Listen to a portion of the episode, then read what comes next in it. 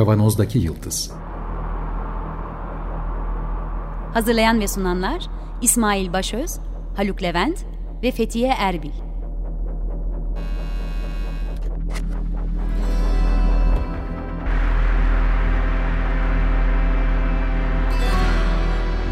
Bugünün penceresinden geleceğin ayak izleri.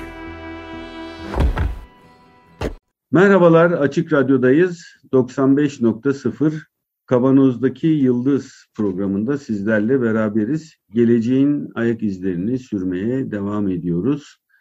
Bugün radyo üzerine konuşma kararı verdik. Geçtiğimiz hafta böyle bir karar almıştık açıkçası. UNESCO'nun Dünya Radyo Günü 13 Şubat iken bazı ülkelerde, başta Rusya olmak üzere bazı ülkelerde 7 Mayıs yani yarın Dünya Radyo Günü olarak kutlanıyor.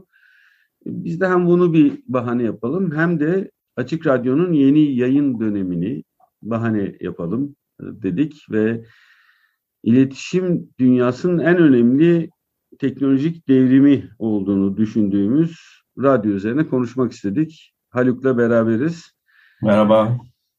Haluk sen ne düşünüyorsun? Çok temel bir devrim olduğunu düşünüyorum. Evet, ben, evet, evet. En önemli e, devrimlerden bir tanesi insanlık tarihi boyunca. Özellikle de bu rıza üretme konusundaki evet, imkan sağladığı imkanlar açısından herhalde toplum kapitalizminde en çok kullandığı, en hoşnut kaldığı araçlardan birisi. Ama sonradan çok evrim geçiyor tabii. Peki neden radyo e, e, çok temel? Çünkü bugün bizim iletişimde kullandığımız bütün kablosuz iletişimlerin, aklımıza gelebilecek her türlü kablosuz iletişimin temelinde yatan e, radyo dalgalarının kullanılması aslında. Cep telefonumuzdan televizyonlara kadar aklınıza gelebilecek her türlü işte verilerin ne bileyim uzaya gitmesinden, uyduya gitmesinden, uydudan buraya veri gelmesine kadar birçok konuda temel olarak kullanılan radyo dalgalarıdır. Ee, ve Teknolojide de çok yeri var değil mi? Tıp teknolojisinde de çok yeri var. Tabii radyo frekansın kendisi ama orada bir iletişim amaçlı değil, onun yarattığı fiziksel etki üzerinden çalışılıyor. İşte ısıtma vesaire falan filan.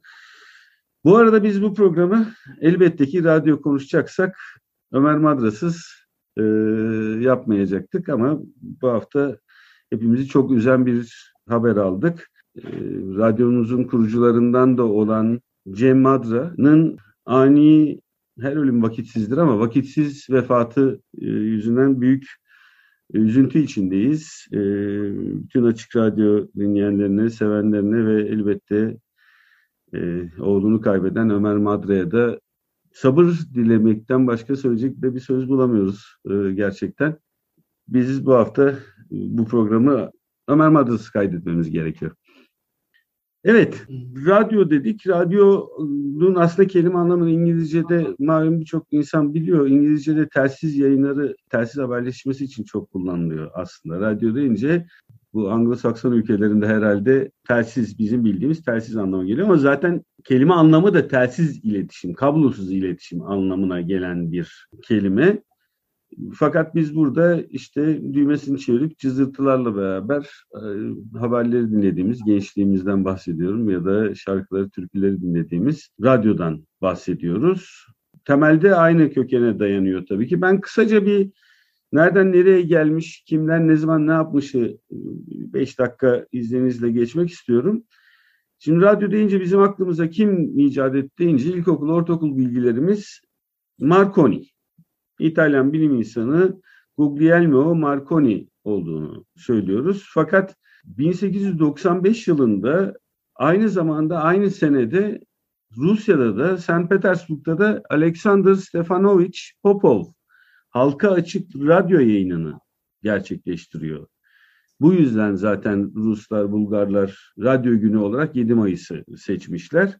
1895'te Popov Rusya'da, St. Petersburg'da, 1895'te Marconi İtalya'da. Daha birçok yerde aslında radyoya ilişkin çalışmalar devam ediyor. Hepsinin dayandığı temel aslında ünlü fizikçi James Clerk Maxwell'in formüle ettiği elektromanyetik dalgalar. Bu elektromanyetik dalgaların da Maxwell tarafından formüle edilen elektromanyetik dalgaların ilk açıklayanı ise Michael Faraday.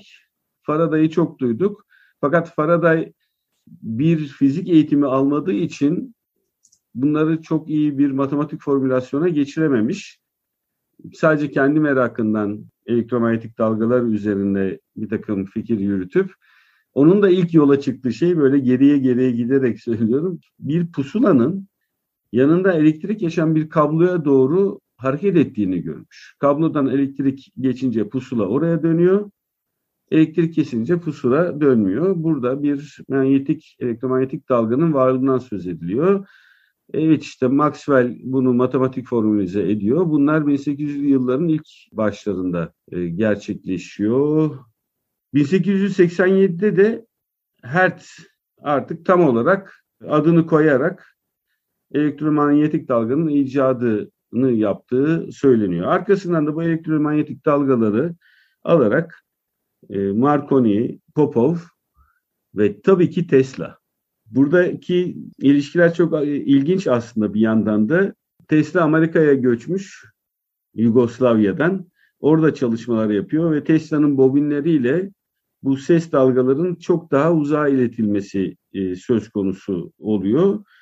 Bundan önce radyoyu icat ettiği söylenen Marconi'nin yaptığı kıyıya iki buçuk kilometre uzaklıktaki bir gemiden kıyıya 3 adet S harfini Morse alfabesiyle göndermesi. Bu iki buçuk kilometre uzaktan sadece Morse alfabesinin kodlarını iletebiliyor ve karşı tarafta da bu bir alıcıyla okunabiliyor. Daha sonra olay yayılıyor ve çok hızlı bir şekilde ilerlemeye başlıyor süreç. Patent savaşları ortaya çıkıyor. Tesla Amerika'da patente başvurmadan önce Marconi İngiltere'den kraliyetle ve İngiltere parlamentosu ile ilişkileri, aristokrasi ile ilişkilerin iyiliği sayesinde e, patentlerin önemli bir kısmını alıyor. Ama Tesla, Nikola Tesla her zamanki gibi sadece keşfetmekle uğraşıyor. Fakat yine o da bir süre sonra 1900 yılında ABD Patent Ofisi'nden alınıyor. Bu arada patentler geri alınıyor, veriliyor işte vesaire tamamen siyasi ilişkiler sayesinde.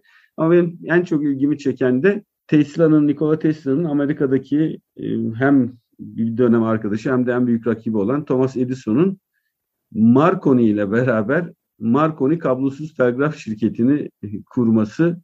Tabi buradaki e, laf önemli kablosuz telgraf olarak tanımlanıyor. İlk radyo icat dediğimiz şey bizim şu anda bildiğimiz aklımıza gelen radyo değil. Kablosuz telgraf haberlerini iletmek üzere kuruluyor. E, daha sonra hızlı bir şekilde 1900'lerin başında artık 1906'da Fassendon tarafından müzik ve konuşma içeren radyo yayını gerçekleştiriliyor ve Türkiye'de de ilk radyo yayını 1927 yılında Sirkeci Postanesi'nin Bodrum katında gerçekleştiriliyor. Fakat insanlarda radyo alıcısı olmadığı için 1927'de sokağa konulan hoparlörlerle halka dinletilerek radyo yayını başlıyor Türkiye'de. Şimdi hızlı bir şekilde bu. Benim hiçbir zaman anlamadığım bir ses dalgasının, bir manyetik dalganın havadan uçup tekrar cihazın içine girip yeniden işte sese döndürülmesi falan filan çok okudum üstünde ama bir türlü bir türlü kafam basmadı açıkçası. Şimdi hiç giresimde yoktu olarak. Fizikçi arkadaşları anlatır bana ama meraklılar için e, kendi araştırmalarını yapmaları daha iyi olacaktır muhtemelen. Çok büyük bir icat dedik. Daha sonra gelecek olan birçok kablosuz haberleşme, iletişim radyo dalgaları üzerine kuruluyor. Programın başına da söylediğimiz gibi. Ve bu iletişim sosyal alanda da çok fazla yansı buluyor. İşte biraz önce senin giriş cümlesinde Haluk söylediğin gibi iktidarın kullanımından eğlenceye kadar insanların sessiz ya da kendi aralarındaki iletişimle oturup geçirdikleri gecelerden herkesin başına toplanıp radyo dinlediği günlere kadar değişik yerlerde, değişik şekillerde hayatımıza giriyor. Diyeyim sana bırakayım biraz. Evet, şimdi burada ben de şöyle bir karıştırdım ne var ne yok etrafını. Aslında üç tane çok ilginç kitap çıkmış ama tabii kitabı okuyacak vaktim olmadı. Yani bir, bir tanesi 2022 yılında yayınlanmış, daha çok yeni zaten. Orada Virginia Woolf'un e, bilim ve radyo ile olan eserlerindeki e, ilişkisini yani bilimle çok meraklı bir kadınmış ve eserlerine çok yansımış bu anladığım kadarıyla böyle tanıtım yazısından anladığım kadarıyla. O ilgi çok ilginç. Onu bir ileride bir okuyacağım ama herhalde yazın ancak oku vakit bulabilirim. İkincisi Fransa'da 30'lu yıllarda ulusal kimliğin oluşumunda radyonun rolünü anlatıyor.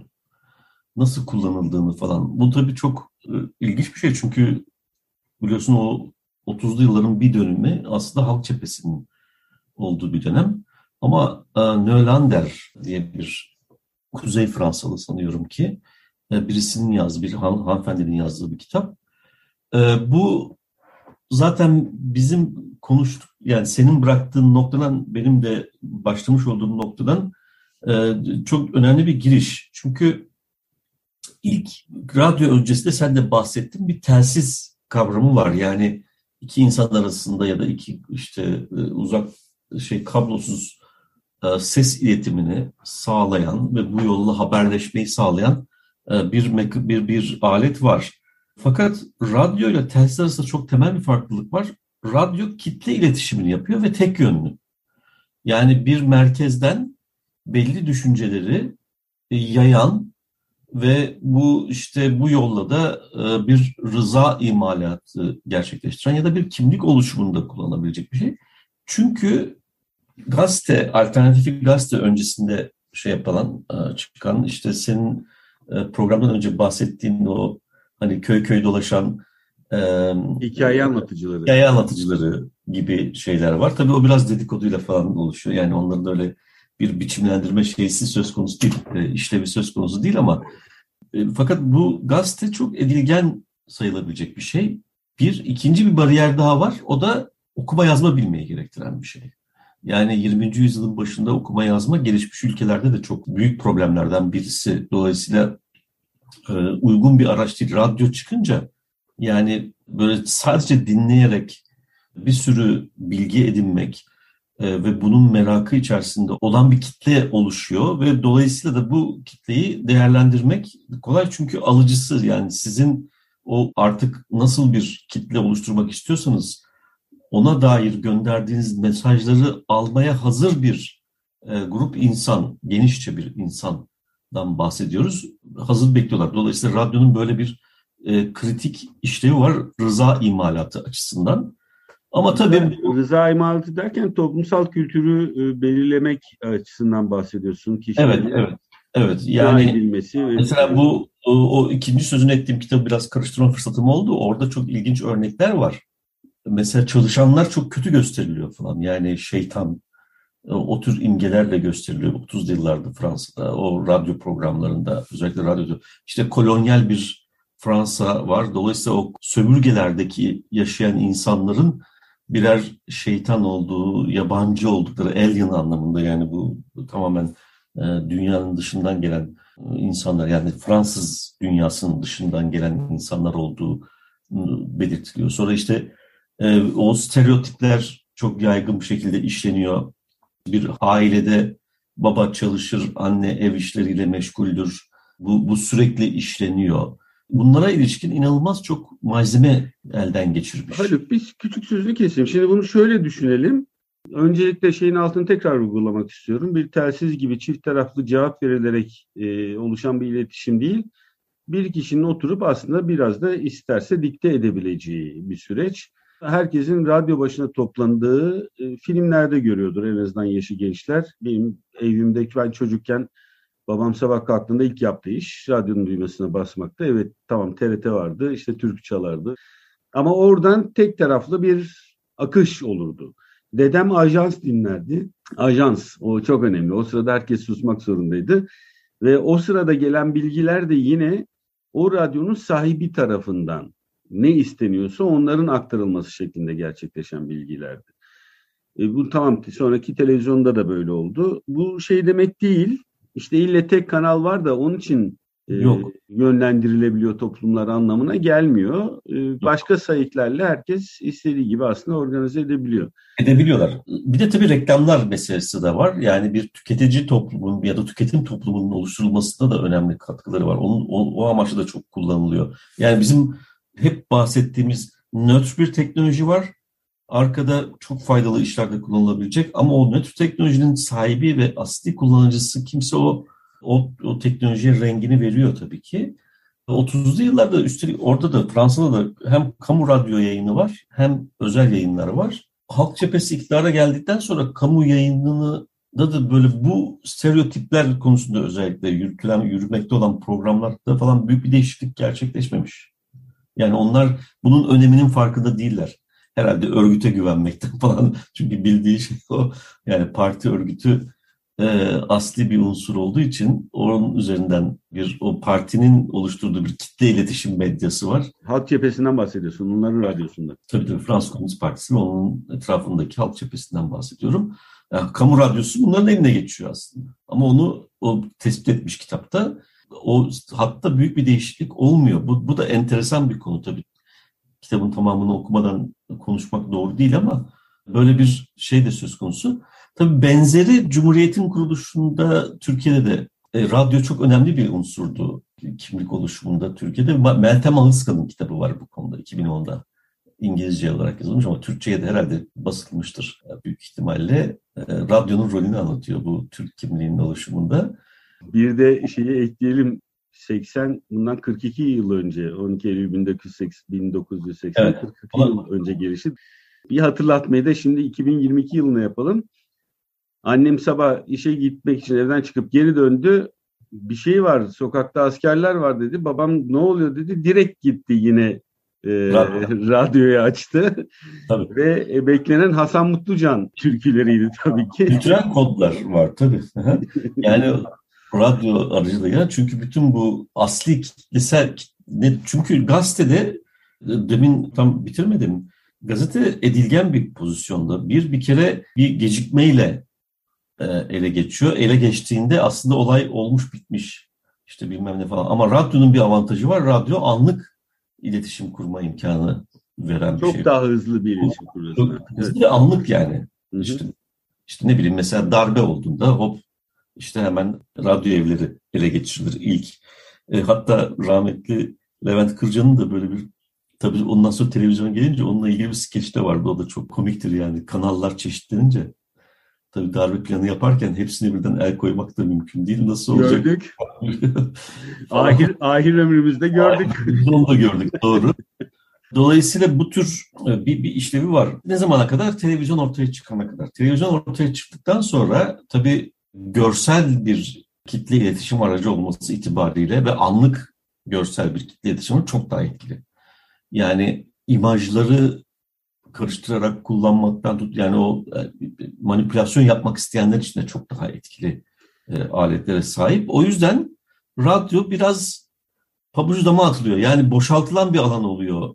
Egemen e, ya da işte o ne bileyim toplumu forme etmek, rıza üretmek zorunda olan insanlar tarafından tercih edilmez hale gelince bu defa sisteme muhalif olan insanların tabii asas itibariyle e, tercih ettiği bir araç. Çünkü o zaman da televizyon kurmaya göre çok daha ucuz. Evet. Ee, şimdi bu televizyon radyo arasında benim için en önemli fark aynı zamanda da şu ki duyuyu birden kilitliyor televizyon. Ee, hem evet. görmeyi hem duymayı. Doğal olarak da radyodan gelen bilgiyi kendi gözümüzde canlandırırken geliştirebildiğimiz hayal kurma, bir şekilde ufak da olsa yaratıcı zihinsel faaliyeti tamamen kilitleyen bir durum, televizyon ya da video. Yani hem görsele hem kulağa hitap eden e, bu tür yayınlar çok daha fazla zihni etkileyebilecek, kontrol altına alabilecek yayınlar. Mesela bir arkası yarın dinlerken duvarları yeşil olan bir ev lafı geçtiği zaman benim yeşilimle senin yeşilin farklı olabiliyordur muhtemelen. Evet, hayal kurmayı biraz şey yapıyor. Evet, yani şimdi ama büyük ihtimalle bildiğimiz kadarıyla hep aynı yeşili görüyoruz. Yani, yani o yeşili seçme şansımız yok. Evet. Gördüğümüz neyse onu görüyoruz. Yani dolayısıyla o hayal gücünü e, çok e, öldüren bir şey tabii. Önemli unsurlardan bir tanesi bu Nazım'ın bu açık radyoda jingle olan e, bir şeyi vardır. Radyomani diye işte kokainoman, eroinoman, nikotinoman megaloman falan var ya Hacı Baba diyor. Ben de 55 yaşında bir radyomanım. Onun ilerisinde de tabii bunu yazarken aslında anlatmak istediği şey memleket hasreti içerisinde yani dışarının hasreti içerisinde ve bu hasreti giderebilecek şeylerden bir tanesi. Çünkü çok sınırlı metrekare içerisinde de olsa ya da yurt dışında da olsa buraya gelmesi yasak olan radyo dinleyerek memleketindeki insan seslerini, insanları işte şunu bunu falan üstelik bunu memleketle de sınırlamıyor. Diyor ki bütün dünyanın seslerini e, duyabiliyorum. Şarkı söylüyorlar, konuşuyorlar, anlıyor, anlamıyor ama değişik usuller var, o da var, bu da var ama hepsini birden o dar mekan. Dolayısıyla aslında fiziki mekanın yarattığı kısıtlıkları aşma imkanı veren bir e, araç aynı zamanda. Bu da insan zihninde ve toplumsal hayatımızda önemli bir e, devrim e, çok, bence. Çok. Başka dünyada bile, başka ülkede bile olması gerekmiyor. Yani işte ne bileyim işte Kayseri'nin, Kastamonu'nun bir köyünde yaşarken, işte çiftçilik yaparken radyodan haber dinlemek o sırada İstanbul'u, Ankara'yı yani şeyin ülkenin içini de hiçbir zaman göremeyeceği yerleri de duymak anlamına geliyor. Tabii tabii. Müzikti, şuydu bile falan hepsini birden yani bu, bu, bu, bu herhalde ilk kez radyoyla böyle bir şeyin ortaya çıkması da çok önemli bir e, faktör. Nazım bu şiirin biraz e, ileriki dizelerinde şunu da söylüyor. Fark, fakat farkında mısınız diye soruyor. Şimdi hem şarkı söylüyorlar Hacı Baba hem de gırtlak gırtlağa harp ediyorlar yine nasıl harp ettiklerini de bir anlatıyorlar hani sanırsın şarkı söylüyorlar aşka dair. yani bütün bu şeyi söylüyor, bu çerçeveyi kuruyor. Onun fiziksel mekanları yıkan özelliğinden, fiziksel olarak ulaşamayacağı yerleri kendisinin ulaşmasını sağlayan, onun üzerinden hayal kurması ama bu hayal kurduğu hayali seslerin e, aracılığıyla e, kolaylaştırması bir yana bunun, bunun altını çiziyor, bunun ne kadar önemli olduğunu vurguluyor. Radyomanın demesi de zaten bunu gösteriyor. Fakat aynı zamanda bunun e, nasıl bir e, çarpıtmaya da yol açabileceğini bu dizelerle de e, gösteriyor. Ne diyorduk? Bütün programlarda söyledik. İletişim teknolojilerinin evet. sahibi kim ise ona göre, ona göre kişniyor adımız. Radyoda da böyle olduğu tabii ki. Ya bu arada hakikaten radyo nostaljisi yapılıyor diye e, bir hani teknoloji ve gelecek ağırlıklı bir program yaparken radyoyu açma sebebimiz özellikle cep telefonlarının tekrar vurgulamak istiyorum. Yani şu anda en önemli iletişim aracı olan akıllı telefonların da kullandığı temel baz radyo dalgasıdır. Tüm bunlara yol açan bir şey e, radyo. Kültüründen uzun uzun bahsedilir, güzel tarihçiler güzel anlatanlar bizden çok daha iyi anlatacaktır. Biz küçük kendi anılarımızla bahsediyoruz ama çok büyük bir dönüşüm sağladığını tekrar belirtelim. Uzaya radyo dalgası göndermek ya da uzaydaki radyo dalgalarını taramaya çalışıyoruz şu anda. Orada insanlar var mı vesaire diye. Onların da bir anlamlı bir mesaj iletebileceği e, ihtimali peşinde koşuyoruz. Var, bir yeri gelmişken bahsedeyim tabii 20. yüzyılda da 23. yüzyılda. Pardon. Nasıl, nasıl pas attım ama?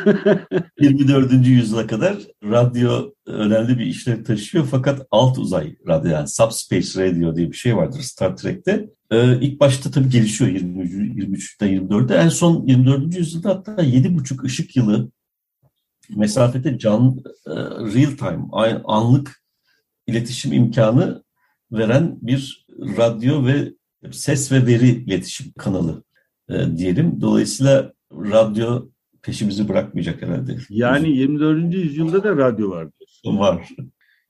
Benim aklıma gelen gene önemli, benim için etkileyici sahnelerden sıkça karşılaştık aslında. Özellikle eski filmlerde ve yeni de olsa İkinci Dünya Savaşı dönemini anlatan filmlerde ki e, radyonun artık iyice radyo alıcılarının yayıldığı dönem e, İkinci Dünya Savaşı'nın da olduğu dönemde. Her ne kadar 1900'lerin başında kitlesel radyo yayınları başlıyorsa da radyo alıcısının da her yere hızlı bir şekilde yayılma ihtimali yok.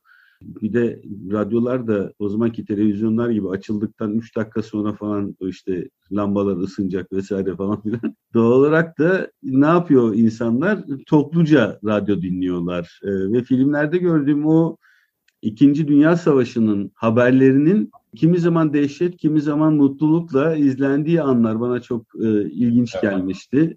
Bu kadar dünya çapındaki bir olayı insanlar artık anında haber alarak, biraz önce sen anında iletişim lafını söylediğin zaman da aklıma geldi.